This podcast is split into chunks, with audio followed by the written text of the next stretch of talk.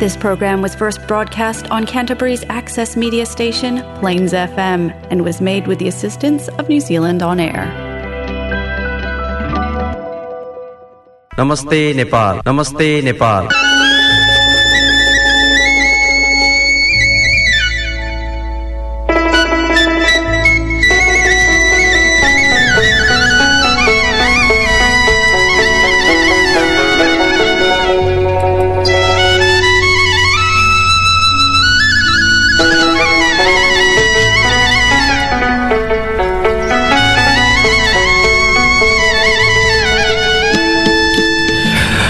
नमस्कार। Plains FM ninety six point nine मेगाजमा यो हो क्राइसिसवासी नेपालीहरूको आफ्नै कार्यक्रम कार्यक्रम नमस्ते नेपाल।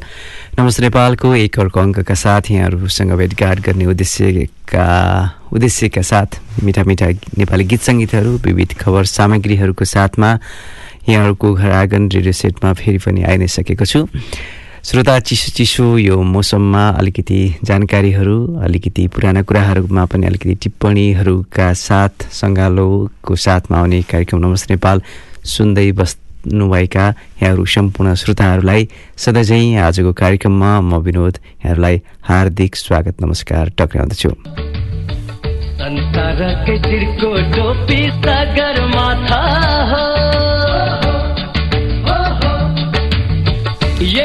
हजुर श्रोता Nepal New Zealand friendship society क्यान्टबरीको प्रस्तुति कार्यक्रम नमस्ते नेपाल। यो मद्रास स्टेटमा रहेको यो प्लेन्स एफएमको स्टुडियोबाट क्राइसिस आसपासमा फ्रिक्वेन्सी मोडुलेसनको नाइन्टी सिक्स पोइन्ट नाइन मेगाजमा यहाँहरूले प्रत्यक्ष सुन्न सक्नुहुनेछ। त्यस्तै Plains FM dot dot ORG dot एनजेडमा गएर पनि यहाँहरू क्राइसिसभन्दा बाहिर न्युजिल्यान्डभर र संसारको जुनसुकै स्थानमा रहेर पनि न्युजिल्यान्ड समयअनुसार सोमबार बेलुका आठ बजे यहाँहरूले कार्यक्रम नमस्ते नेपाल प्रत्यक्ष सुन्न सक्नुहुनेछ। त्यस्तै हामीले नमस्ते नेपाल क्राइसिस न्युजिल्यान्ड नामको फेसबुक पेज मार्फत पनि प्रसारण भइसकेका कार्यक्रमका प्रकाश लिङ्कहरू सेयर सेयर गर्दै आइरहेका छौँ र यो कार्यक्रम मार्फत जोडिनुहुने सम्पूर्ण श्रोताहरूलाई पनि आजको यो हप्ताको पहिलो दिनको यो कार्यक्रम यो श्रृङ्खलामा फेरि पनि हार्दिक स्वागत गरि नै सकेको छु। श्रोता विभिन्न खबर खबरहरूलाई नचाहेर पनि हेर्नुपर्ने हुन्छ र जानकारीहरू हुँदाहुँदै पनि हामी फेरि त्यसमा गोतलिनुपर्ने अवस्था पनि आउँछ। नयाँ स्वास्थ्य राज्य मन्त्रीको नियुक्तिमा धेरै प्रश्नहरू उठिसकेको छ अनि तनहुँ तनहुँका सांसद डोबाटे विश्वकर्माको चर्चा पनि अहिले उचालिएको छ। त्यस्तै खेलाडी भन्दा पनि तेब्बर अझ केही त बनावटी अफिसियल भएर जापानको टोकियो ओलम्पिकमा पुगेको कुरा पनि बाहिरिसकेपछि अब भित्री कुराहरू अब यहाँहरूले थाहा पाइ नै सक्नु भएको छ। त्यो बाहेक पनि राजनीतिको निर्दिष्ट व्यवहारिक उद्देश्यहरूको महसुस गर्न नपाइरहेको बेलामा हामीले अलिक थोरै विवेचनात्मक रूपबाट हेर्नुपर्ने बेला पनि आइसकेको छ। यसै बेलामा नेपाली सेनामा तिन दशकभन्दा बढी सेवा गरेर अवकाश भएका उपरथी पूर्ण सिलवालको यो आफ्नो काम गराएको अनुभव पनि किताबको रूपबाट बाहिरिसकेको छ। अब त्यस किताबको केही कुराहरू म यहाँ पनि उद्धरण गर्न चाहेँ। सन् उन्नाइस सय एकाउन्नदेखि दुई हजार सत्र सालसम्म प्रत्यक्ष शासन गर्ने कार्यकारी राजा सहित मुलुकले पचासवटा प्रधानमन्त्री पाएको छ। नेपालको कुरा औसतमा प्रत्येक सोह्र महिनामा एकजना प्रधानमन्त्री भएको देखिन्छ। यसबीचमा भारतमा सोह्रजना पाकिस्तानमा छब्बिस र बङ्गलादेशमा एक्काइसजना मात्र प्रधानमन्त्री भएका रहेछन्। राजनीतिक अस्थिरता र सशस्त्र द्वन्द्व द्वन्द्वले नेपालको घरेलु मामलामा बाह्य राज्य गैर राज्य पक्ष समेत तानिएको देखिन्छ। जनताको आकाङ्क्षा रोजीरोटी देश विकास आर्थिक सम्पन्नता र सरोकारका अन्य विषयमा चाहिँ खासै सम्बोधन भएको देखिएन। नेपालको राजनीति अस्थिरताको कारण सत्ता पाउन र टिकाउन बाह्य शक्तिको समर्थन खोज्नु स्पष्ट देखिएको छ। यो हरेक राजनीतिक पार्टीहरूलाई सङ्केत गरिएको हो। र अनुभवको आधारमा व्यक्त पनि गरिएको छ। विगत सत्तरी वर्षमा नेपाल दक्षिण एसियामा सबैभन्दा अस्थिर अनिश्चित र राजनीतिक रूपमा तरल मुरुक रहिरहेको छ। सन् उन्नाइस सय अडचालिसदेखिको कुरा नै लाई लि यदि लिने भने त्यही वर्षदेखि अहिलेको संविधान सातौँ संविधान हो। राजाले नियुक्त गरेका होस् या संसदले निर्वाचित गरेका कुनै पनि प्रधानमन्त्रीले अहिलेसम्म निर्धारित कार्यकाल पुरा गर्न पाएका छैनन्। र यसरी राजनीतिक अस्थिरताले अनिश्चितताहरू ल्याउँदै गर्दाखेरि हाम्रो देशमा सत्ता पाउन र टिकाउनका लागि बाह्य शक्तिहरूको साथ र समर्थन खोज्नु स्पष्ट देखिएको कुरालाई यहाँ उद्धरण गर्न खोजिएको हो। त्यस्तै श्रोता वैदेशिक रोजगारीसँग जोडिएको राजस्वको कुराहरू त्यहाँसँग जोडेर आउने रिमिट्यान्सको कुरा पनि धेरै नै चर्चाको विषय हुन्छ। तर कफिनमाथि आँसुको भल बगेको हामीले व्यवहारिक रूपबाट कमाइ महसुस गरेका छौँ। अहिले केही दिन अगाडि मात्र मलेसियाबाट एकै दिनमा चौबिसवटा शवहरू शवहरू आएका छन् अनि साथमा तिनजनाको अस्तु अझै दसजना उतै दसवटा लास त अझै उतै पालो पर्खेर नेपाल आउन कुरिबसिएको छ। श्रोता श्रम गन्तव्य मुलुकहरूमध्ये सबैभन्दा बढी नेपालीहरूको मृत्यु हुने देशको रूपबाट मलेसिया पनि अब गणना गरे पुग्छ। त्यसबाहेक औद्योगिक दुर्घटना सडक दुर्घटना दीर्घरोगीले मर्ने नेपालीहरू पनि बढिरहेका छन्। गत आर्थिक वर्षमा मात्र दुई सय एकासीजना नेपालीको मृत्यु भइसकेको छ। प्रमुख श्रम गन्तव्य मुलुकमध्ये सबैभन्दा बढी नेपाली कामदारको मृत्यु मलेसियामा हुने गरेको यो दुःखद अवस्था पनि छ। पछिल्लो एक दशकमा मात्र तिन हजारजनाको मृत्यु भइसकेको छ। हाल मलेसियामा एक लाख सत्तरी हजार नेपालीहरू वैधानिक रूपबाट कार्यरत रहेका छन्। श्रोता दुःखद कुराको तथ्याङ्क तथ्याङ्कलाई यदि सावार गर्ने हो भने विदेशबाट चौध वर्षमा नौ हजार दुई सय सैँतिस श्रमिक बाकसमा फर्किएका छन्। मुलुकमा अवसर नपाएर रोजगारीका लागि विदेशिएका मध्ये वर्षेनी सात सय हाराहारी युवाको बिरानो मुलुकमा निधन हुने गरेको छ। गत आर्थिक वर्षमा नै एक हजार त्रिहत्तरजनाले उतै ज्यान गुमाएको अवस्था छ। श्रोता यो दुःखद प्रसङ्गहरू छन् व्यवहारिक रूपबाट हामीले फेरि पनि यी यस्तै कुराहरूको समाधान खोजिरहेका हुन्छौँ। धेरै कुराहरू त कति भन्नु र अब झन्डै झन्डै यही कुरालाई कोच्याउने खालको यो गीत अब यहाँहरूलाई कार्यक्रम नमस्ते नेपालको आजको पहिलो कोसेली सुरु प्रस्तुत गर्दैछु।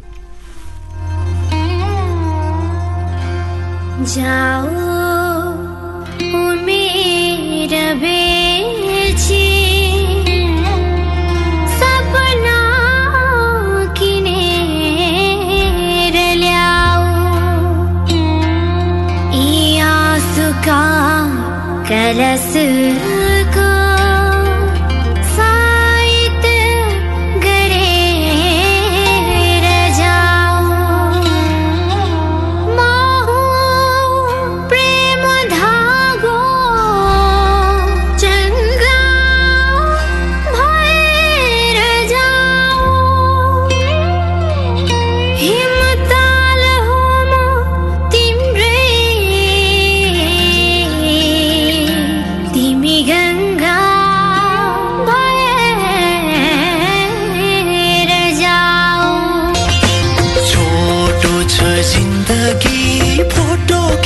heard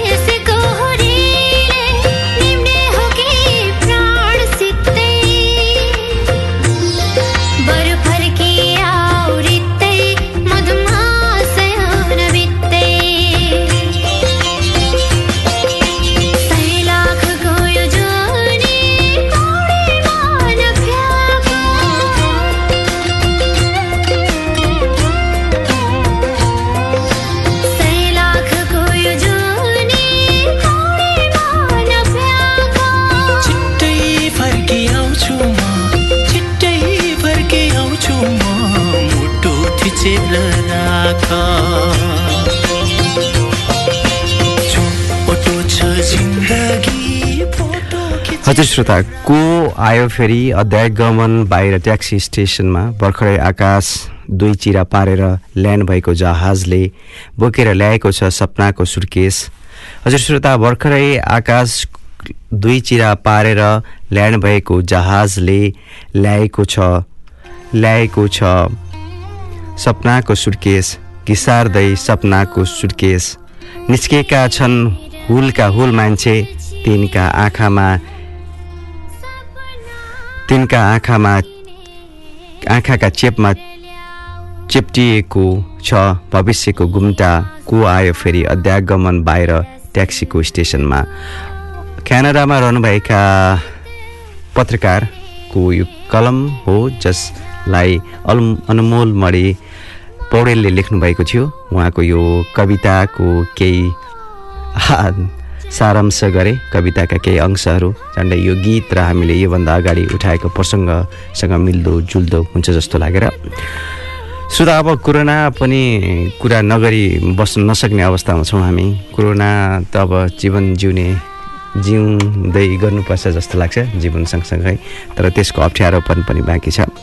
कोरोनाले विश्वमा हालसम्म एकचालिस लाख छत्तिस हजार र नेपालमा झन्डै दस हजार नजिक नेपालीहरूको दुःखद मृत्यु भइसकेको छ।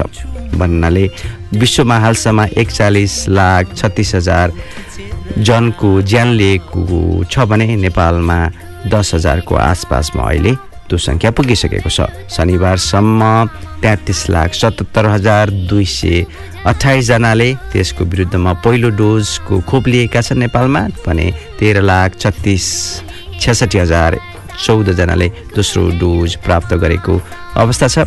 अझै पनि धेरै अप्ठ्यारामा रहेकाहरूले खोपकै प्रतीक्षा गरिरहेको अवस्था छ। हामीले बुझेकै छौँ हामी त्यसप्रति बेखर बेखबर त छैनौँ। अहिले तिनवटा खोप ल्याइँदैछ। कोभिड सेल र पेरोसेल दुई डोज लगाउनुपर्छ भने जोन्सन एन्ड जोन्सनको एक डोज लगाए पुग्ने देखिएको छ।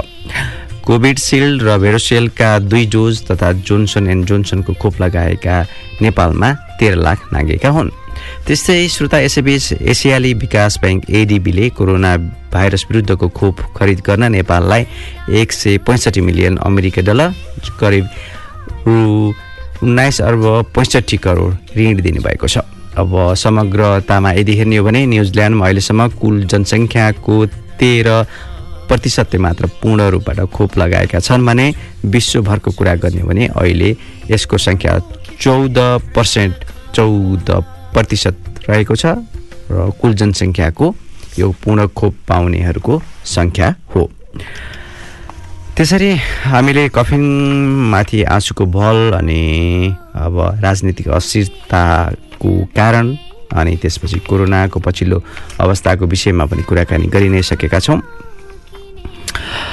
त्यस्तै श्रोता अब खबर सकारात्मक होस् भन्ने पनि हामीले आशा गर्छौँ तर हामीले चाहेका कुराहरू सधैँ हुँदैनन् तैपनि टिप्पणीबाट आउने कुराहरूले सकारात्मक सन्देश लिएर आउन् सकारात्मक व्यवहारिक परिवर्तन होस् भन्ने अपेक्षाका साथ यी कुराहरू गरिन्छन्।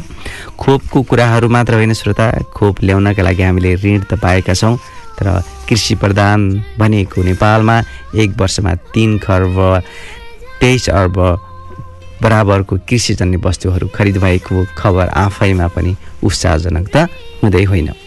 श्रोता कृषि प्रधान देश भनेको पनि भने पनि हरेक वर्ष नेपालले कृषि उत्पादनको आयातका लागि ठुलो परिमाणमा रकम विदेश पठाउँदै आएको छ।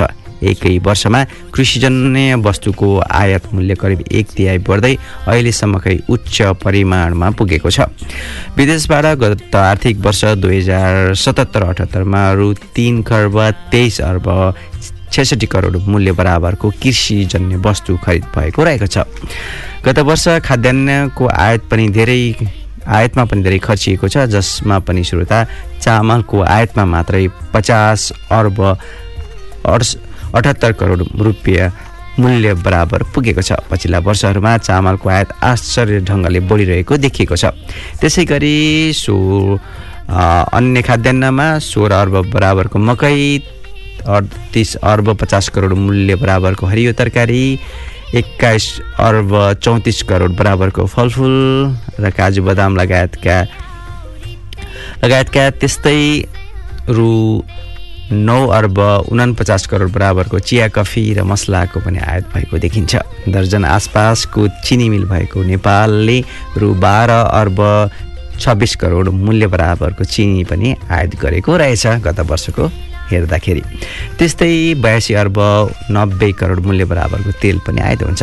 नेपालले लामो समयदेखि निर्यातलाई एक खर्ब पुर्याउने लक्ष्य राख्दै आएकोमा गत वर्ष पहिलोपटक नेपालले निर्यात रु एक खर्ब नागेको थियो तर आयात भने चुलिँदै पन्ध्र खर्ब उन्चालिस अर्ब तिरासी करोड पुगेको छ। व्यापार घाटेको हामीले यो प्रसङ्ग उठाउन खोजेका हौँ।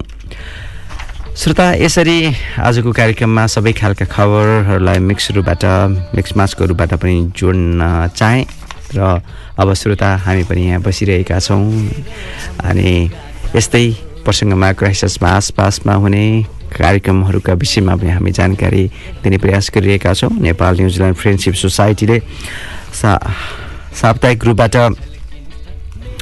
आइतबार। अब कहिलेकाहीँ टाइम समय र स्थानहरू परिवर्तन भएको छ त्यही पनि त्यसको बारेमा अपडेट दिइ नै रहेको सोसाइटीले। ब्याडमिन्टन नेपाली कक्षा र योगा योग योगाको कक्षा अभ्यास कक्षाहरू भइ नै रहेको छ। त्यसैले यहाँहरू उपयुक्त साधन र विधिका लागि सोसाइटीसँग सम्पर्क राख्न सक्नुहुनेछ।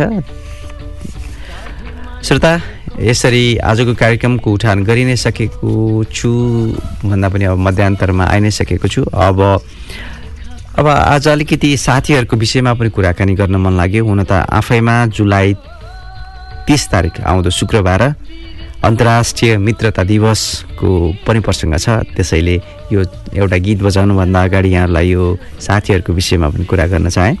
श्रोता मित्रता त्यो हो जहाँ मतलब या भनौँ स्वार्थ लुकेको हुँदैन मित्रता हुनका लागि निस्सा मित्रताको उपस्थिति हुनका लागि निस्वार्थ हुनु जरुरी देखिन्छ र मानिन्छ।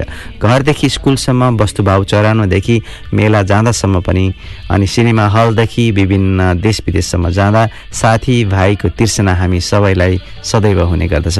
वास्तवमा संसारले प्रेममा प्रेमलाई झैँ मित्रतालाई पनि आफ्नो साहित्य कला अनि कथनहरूमा उत्तिकै महत्त्व दिएको छ। मित्रताका बारेमा धेरै चलचित्र गीत कथा अनि कविताहरू कथिएका छन्। आफ्ना मित्रहरूलाई सिद्ध हुन हुन् भनेर आशा आश नराख बरु आफ्ना मित्रहरूका कमी कमजोरीहरू हटाएर सिद्ध र उत्तम बन्न सहयोग गर भनिन्छ।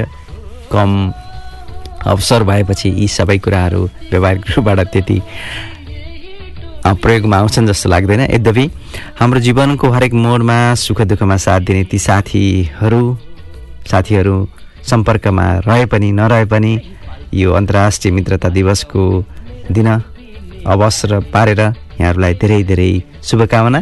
श्रोता न साथीहरू नयाँ हुन्छन् न पुरानो नै मित्रता सधैँ उही र उस्तै रहन्छ नजिक टाढा भए पनि। त्यसैले सम्पूर्ण साथीहरू स्कुल कलेज गाउँघर छरछिमेकका सबै साथीहरूलाई आज यसरी नै सम्झेको छु भन्ने यहाँहरूसँग पनि यो सन्देश पुग्योस् नजानेर जानेर केही गल्तीहरू भयो होला ती गल्ती कमजोरीहरूलाई हामीले बिर्सिनुपर्छ। अब जीवन अगाडि बढ्दै जाँदाखेरि यी साथीहरूको त्यो माया त हामीले सम्झिनै रहेका छौँ।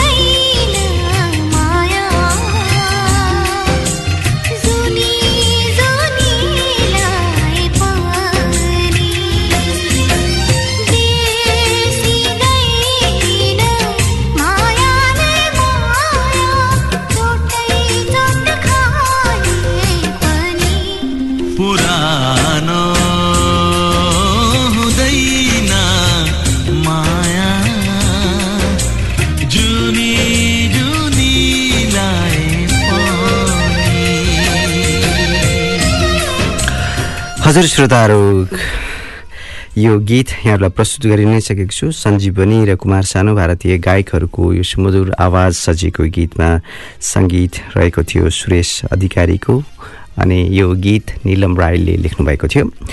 श्रोता हुन त मायाका कुराहरू व्यक्त भएका छन्। साथी मित्रताको प्रसङ्गलाई यहाँ जोडेर यो गीत बुझिदिनु होला जस्तो लाग्छ। अनि अब कार्यक्रमको उत्तरार्धमा आउँदै गर्दा विभिन्न खालका क्षेत्र अनि जात जातिहरूका फरक फरक खालका उद्देश्य सहितका रीतिरिवाजहरू पनि हुने गर्दछन्। यसै क्रममा पश्चिम नेपालमा रहेका राणा थारूहरूको सँग जोडिएको डोला वा पनि पिङसँग जोडी पर्स आउने प्रसङ्ग आजको कार्यक्रममा उठान गर्न चाहे। राणा थारू समुदायहरूको परम्परागत चलनअनुसार राणा थारू समुदायले दिदी दिदी बहिनीहरूका लागि डोला राखेका छन्। साउनको पहिलो सातामै राणा राणा थारू समुदायले डोला राखेका हुन्। राणा थारू बसोबास गर्ने ठाउँमा साउनमा सार्वजनिक स्थानमा पिङ पिङ राख्ने गरिन्छ। परम्परागत पहिरनमा सजिएका राणा थारू महिलाहरूले आफ्नै स्थानीय भाषा र परम्परागत शैलीमा गीत गाउँदै पिङमा मचिएर आनन्द लिने गर्दछन्।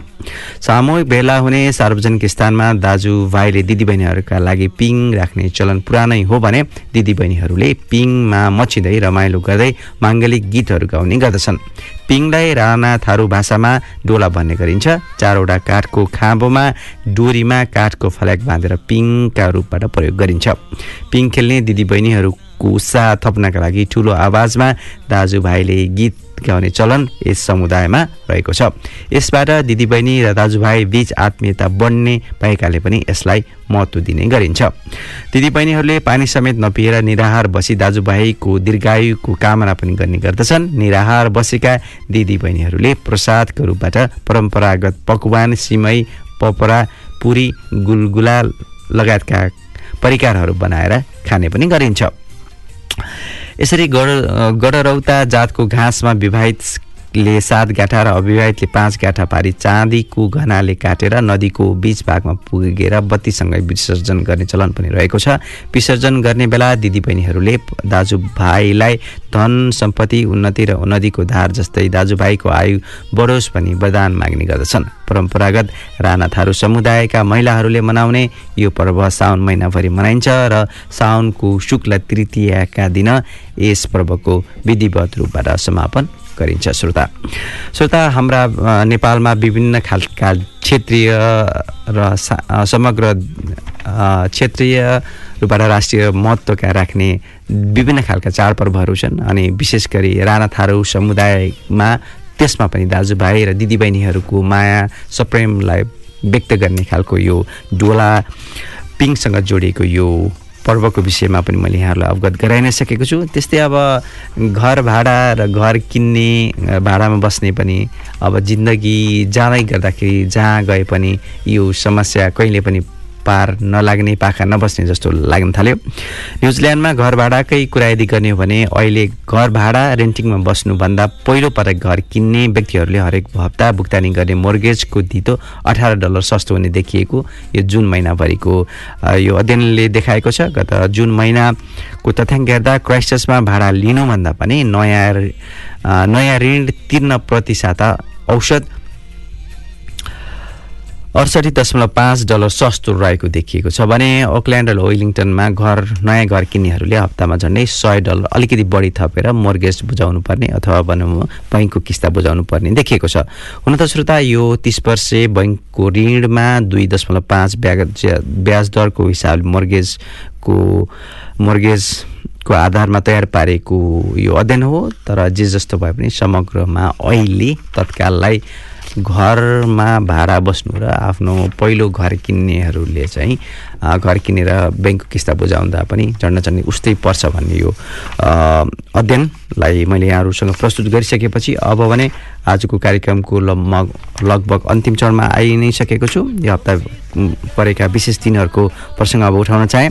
आउँदो बिहिबार विश्व बाघ दिवस परेको छ। यो विश्व बाघ दिवसको प्रसङ्ग सामान्य जस्तो भए पनि जङ्गल फडानीले गर्दा वासस्थानको कमी मौसममा परिवर्तन गैर कानुनी शिकार लगायतका कारणले अहिले झन्डै लोक उन्मुख प्राणीको सूचीमा राखिएको बाघको संरक्षणका लागि भनेर हरेक वर्ष जुलाई उन्तिस तारिकका दिन बाघ दिवस मनाइन्छ। अब त्यो पनि अलिकति हामीले ख्याल गर्नुपर्ने र बुझ्नुपर्ने अलि गम्भीर रूपबाट लिनुपर्ने जस्तो मानिन्छ। बिसौँ शताब्दीको पूर्वार्धमा बाघको जनसङ्ख्या झन्डै एक लाख रहेकोमा यो सङ्ख्यामा अहिले नब्बे प्रतिशत हा ह्रास आए। अहिले झन्डै तिन हजार तिन हजार दुई सयमा झरेको तथ्याङ्कले देखाउँछ। अहिले वास्तवमा भन्यो भने संसारका बाह्रवटा देशमा नेपालसहित बाह्रवटा देशमा मात्रै बाघ पाइन्छ। हाम्रो जैविक प्रणा प्रणालीमा सन्तुलन प्रणालीलाई सन्तुलनमा राख्न पनि यसले योगदान पुर्याउँदै आएको छ र खाद्य श्रृङ्खलामा बाघ मुख्य सिकारी जनावर भएकाले शाकाहारी जनावरलाई नियन्त्रणमा राखी वातावरण सन्तुलनमा पनि यसको उल्लेखनीय योगदान हुन्छ। तीमध्ये नेपालमा अहिले दुई हजार सन् दुई हजार अठारको जनगणना अनुसार नेपालमा बाघको सङ्ख्या दुई सय पैँतिस रहेको छ। अब यो पछि भने आजको कार्यक्रमको अन्तिम अन्तिम चरणमा आइ नै सकेको छु र जुलाई तिस तारिकमा खिर खाने दिन साउनको पन्ध्रमा हामीले खिर खाने भन्छौँ नेपाली चलन चन्तिका अनुसार खिर विभिन्न उत्सव चाडपर्व र पूजाआजा बिहे वर्तमान महत्त्वका साथ पस्किने गरिन्छ। अब यसरी अब आज सबै कुराहरू यहाँ सम्भव गर्न समेट्न सम्भव नभए जस्तो लाग्यो। त्यसैले अब साउनको असारको पन्ध्रमा खेत रोपे सकिएपछि अर्को महिनामा साउन पन्ध्रमा खिर खाने तयारी पनि यहाँहरूले गर्दै गर्नुहोला। भन्दै बेलुका आठ बजेदेखि सुरु भएको कार्यक्रम नमस्ते नेपालको आजको अङ्क यति नै। अर्को सातासम्मको लागि म विनोदलाई पनि आज्ञा दिनुहोस्। नमस्कार शुभरात्रि।